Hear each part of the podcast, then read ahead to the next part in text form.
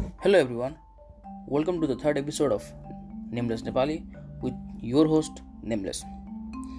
Today I'm going to talk about overconfidence effect and why you systematically overestimate your knowledge and abilities. My favorite musician, John Sebastian Bach, was anything but a one-hit wonder. He composed numerous works. How many there were I will reveal at the end of this chapter. But for now, Here's a small assignment.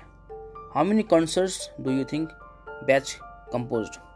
Choose a range, for example, between 100 and 500, aiming for an estimate that is 98% correct and only 2% off. How much confidence should we have in our knowledge? Psychologist Howard Raiffa and Mark Alpert, wondering the same thing, have interviewed hundreds of people in their way. They have asked participants to estimate the total egg population in the US or the number of physicians and surgeons listed in the yellow pages of the phone directory for Boston or the number of foreign automobile imported in the US or even the tool collection of the Panama Canal in millions of dollars. Subjects could choose any range they liked with the aim of not being wrong more than 2% of the time. The result was amazing. In the final tally, instead of just 2%, they were 40% of, of the time. The research dubbed that amazing phenomenon overconfidence.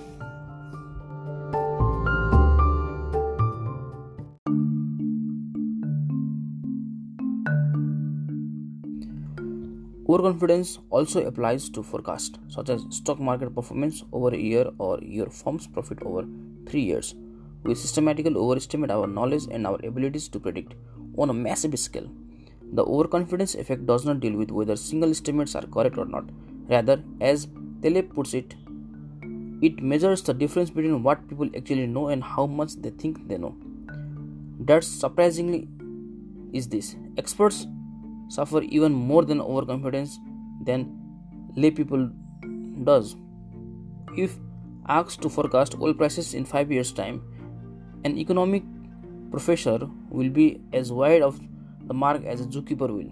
However, the professor will offer his forecast with certitude. Overconfidence does not stop at economics. According to Taleb, 84% of Frenchmen estimate that they they are above average lovers. Without the overconfidence effect, that figure should be exactly 50% after all. The statistical median means 50% should rank higher and 50% should rank lower. In another survey, 93% of US students asked estimated themselves to be above average drivers, and 68% of the faculty at the University of Nebraska rate them in the top 25% for teaching ability.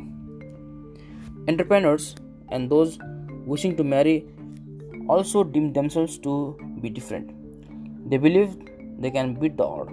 In fact, entrepreneurial activities would be a lot lower if overconfidence will not exist. For example, every restaurant owners hopes to establish the next Michelin star restaurant, even though statistics shows that most close their doors after just 3 years. The return on investment in the restaurant business lies chronically below zero.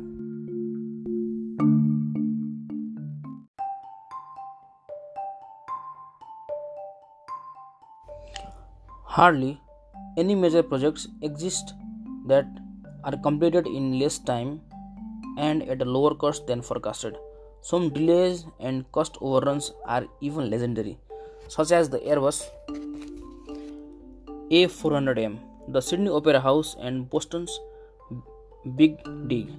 The list can be added to at will.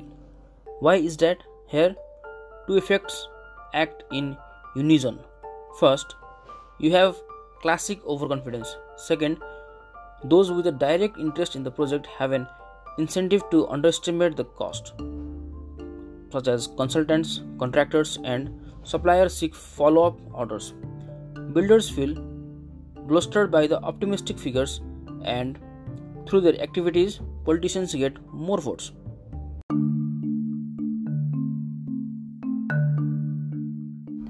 What makes overconfidence so prevalent and its effect so confounding is that it is not driven by incentives, it is raw and innate, and it's not counterbalanced by opposite effect, underconfidence, which doesn't exist. No surprise to some readers, overconfidence is more pronounced in men. Women tend not to overestimate their knowledge and abilities as much. Even more troubling, optimists are not the only victims of overconfidence. Even self proclaimed pessimists overrate themselves, just less extremely.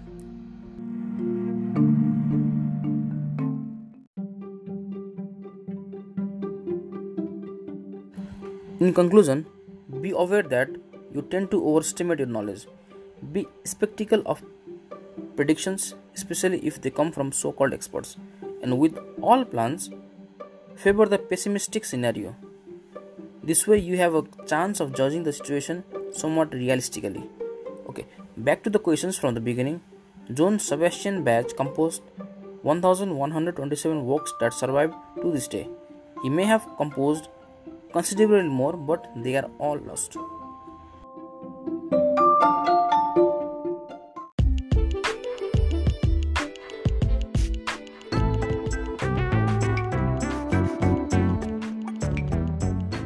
Thank you so much for listening this podcast.